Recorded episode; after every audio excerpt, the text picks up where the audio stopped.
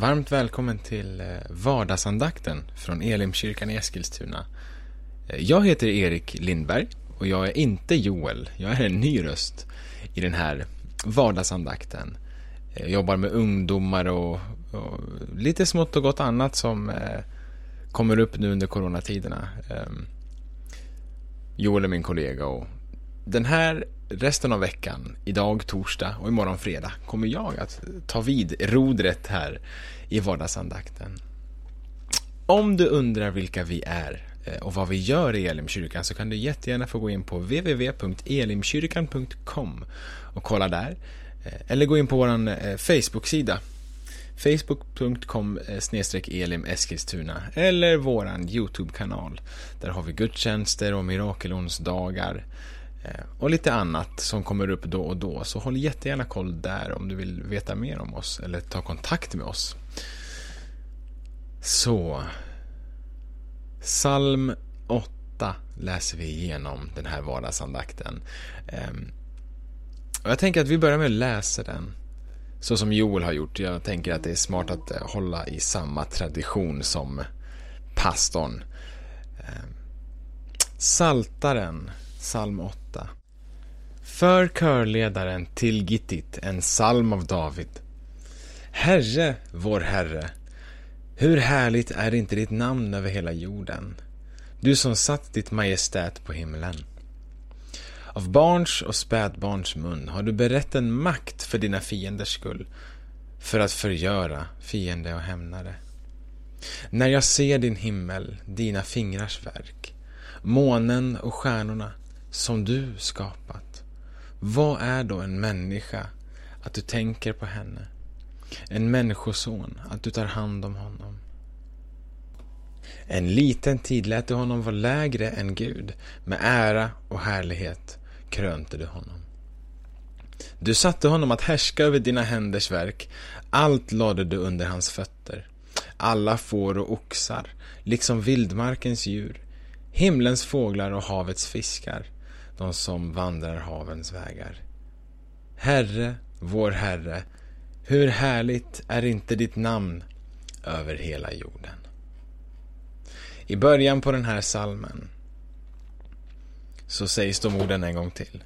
Herre, vår Herre, hur härligt är inte ditt namn över hela jorden? Du som satt ditt majestät på himlen.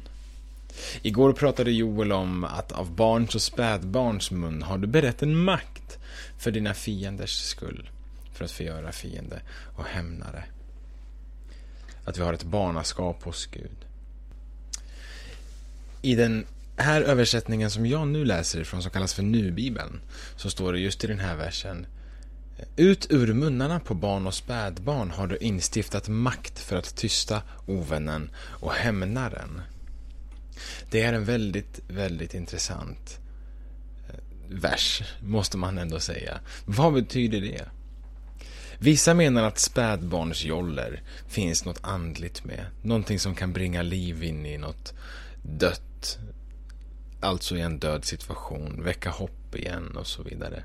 Men jag tror att det också har att göra med, precis som det Joel nämnde igår, om att när vi har fått barnaskapets ande, när vi har blivit Guds barn, fått gå in som ett barn till Gud, så följer det med en auktoritet. Där vi får tysta ovännen och hämnaren, alltså begrepp som talar om ondskan och mörkrets makter.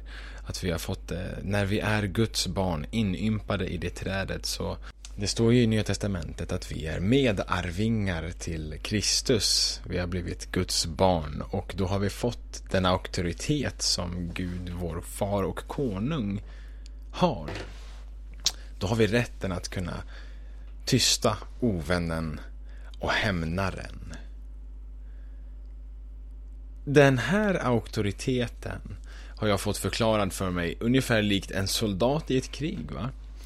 Säg att en soldat är beskjuten från alla håll och kanter. Soldaten ringer sin bataljonschef någonstans. Eh, på radion gissar jag att det lär vara då. Säger de skjuter på mig, de skjuter på mig, vad ska jag göra? Ja men vad har du i handen? Säger bataljonschefen då. Generalen, högsta befälet. Ta det vapen du har blivit tilldelad och skjut tillbaks. ta kontroll över situationen där och sådär va. Ehm.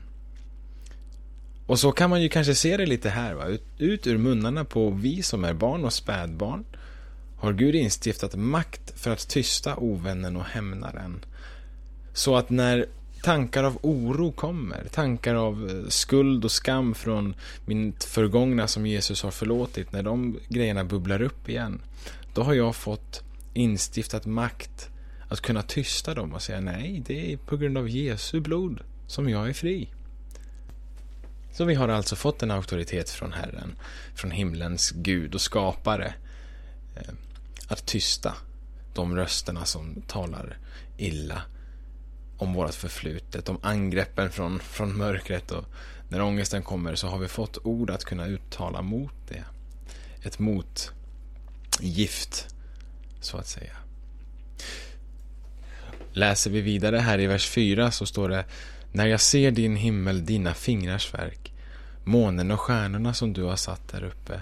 Sen kommer vers nummer fem. Vad är då en människa att du tänker på henne? En människoson att du lägger märke till honom. Här skiftar fokus igen. va. Vi har fått auktoriteten och sådär. Att kunna tysta ovännen och hämnaren. Och sen när vi ser vem som har gett auktoriteten. När vi ser himlen, fingrarnas verk, månen och stjärnorna som Herren har satt där uppe.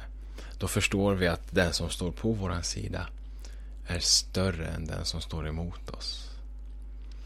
Som det står i Romarbrevet, om Gud är för oss, vem kan då stå emot oss? Ingen kan ju stå emot oss om Gud är för oss såklart.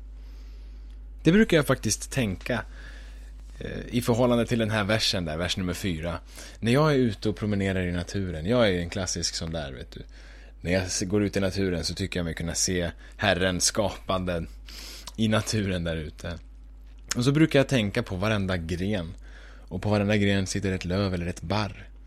Och de har en molekyluppbyggnad som är avancerad. Och så börjar jag tänka djupare. Tänka, där finns det celler och där finns det processer som ingen ser. Som inte har någon betydelse av någonting egentligen.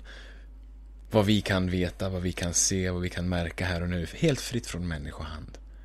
Och Gud skapade det ändå. Det tyder på en enorm skapare.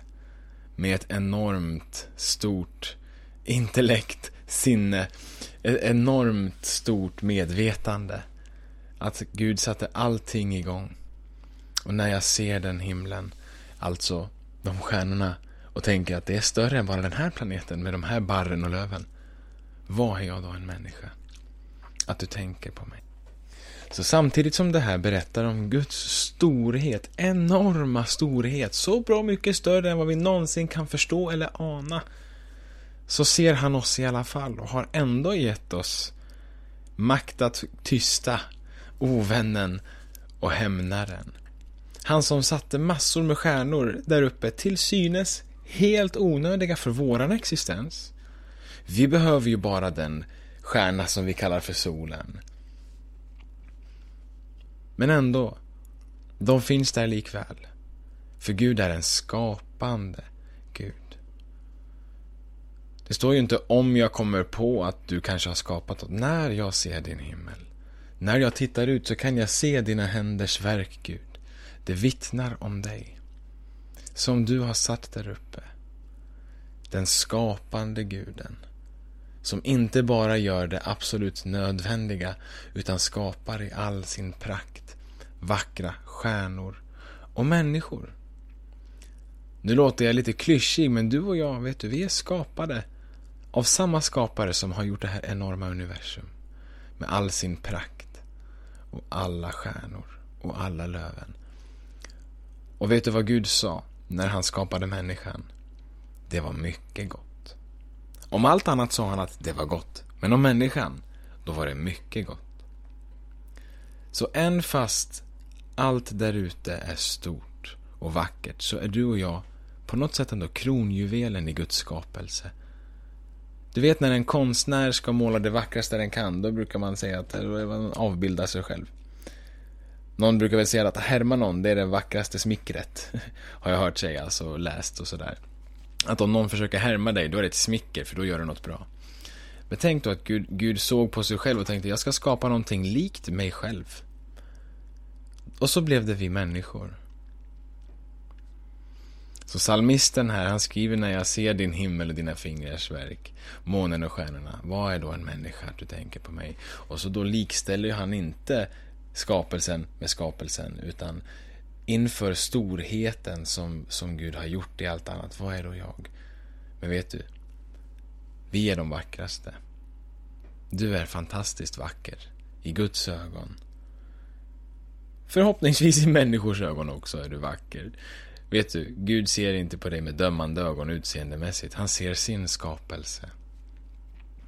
Och det är just därför som vi kan stolt säga det. Han är våran far och vi får vara hans barn. Än fast han har skapat så mycket annat i sin prakt. Så kan vi kallas Guds barn. Och han skapar i oss någonting nytt. Det finns ännu mer djup i det här med skapelsen. Jag vet inte hur det fungerar på andra planeter och sådär, men vi på jorden, vi har ju ett fungerande system där saker och ting byts ut i ett konstant kretslopp. Varenda andetag vi tar är nya andetag med nytt syre. Varenda cell byts ut i kroppen. Och varenda löv som faller ner blir till jord och blir till mark blir grogrund för nya träd att växa upp och det blir någonting nytt. Gud kan skapa någonting nytt. I en situation som kan till synes vara död eller eh, nära död så kan Gud återuppväcka saker. För Gud implanterade liksom sådd och skörd i hela sin skapelse. Vet du att Gud från alldeles i början tog med principen av sådd och skörd. Inte bara i, i kretsloppet i naturen utan även på ett andligt plan. Vet du att Jesus var ett, ett frö. Han blev sådd i jorden, död och på tre dagar återuppstod han. Precis som ett frö sås ner och efter en tid så spricker det upp i ett nytt liv omringat av död egentligen. För jorden, mullen, är ju död. Förmultnade saker. Där uppstår nytt liv. Gud som är en skapare, som skapar fantastiskt vackra saker, skapar också nya saker. Och jag vill avsluta den här dagens vardagsandakt med den hälsningen till dig. Att tar du, tar du med dig någonting från den här eh, ungdomspastorn som har varit lite kanske annorlunda än vad Joel brukar vara på de här vardagsandakterna. Men ta med dig de här två sakerna. Du är ett Guds barn. Du har fått auktoritet, makt att tysta ovännen och hämna den som vill ge dig kval och ångest. Och din far är en skapare som kan göra dött till liv och ur döda situationer kan det uppstå nya levande situationer. Precis på samma sätt som när Jesus dog återuppstod han. På samma sätt som när ett frö planteras dör fröet och något nytt får växa upp och bli till liv igen. På samma sätt kan Gud ta dina drömmar, dina hopp för framtiden som kan kännas döda nu och ge dem nytt liv. Gud är en återuppväckande Gud som kan skapa där det inte går för oss att skapa. Så när du ser Guds himmel och hans fingrars verk månen och stjärnorna som han har satt där uppe. När du tittar ut i oktobernatten och ser det där, tänk att det är en Gud som har skapat det där. Det är samma Gud som är nära dig, som är med dig idag, som går med dig och som älskar dig. Han är din far och du får vara hans barn. Så ta med dig det då att du är välsignad som ett Guds barn och du har en skapare med dig. Och så vill jag önska dig en fantastiskt välsignad torsdag. Och sen så kommer vi faktiskt höras imorgon igen på fredag för då kommer jag också ha vardagsandakten. Men vad som kommer då, det får du läsa om i, i psalm 8. Eh, men vi hörs då. Hej då!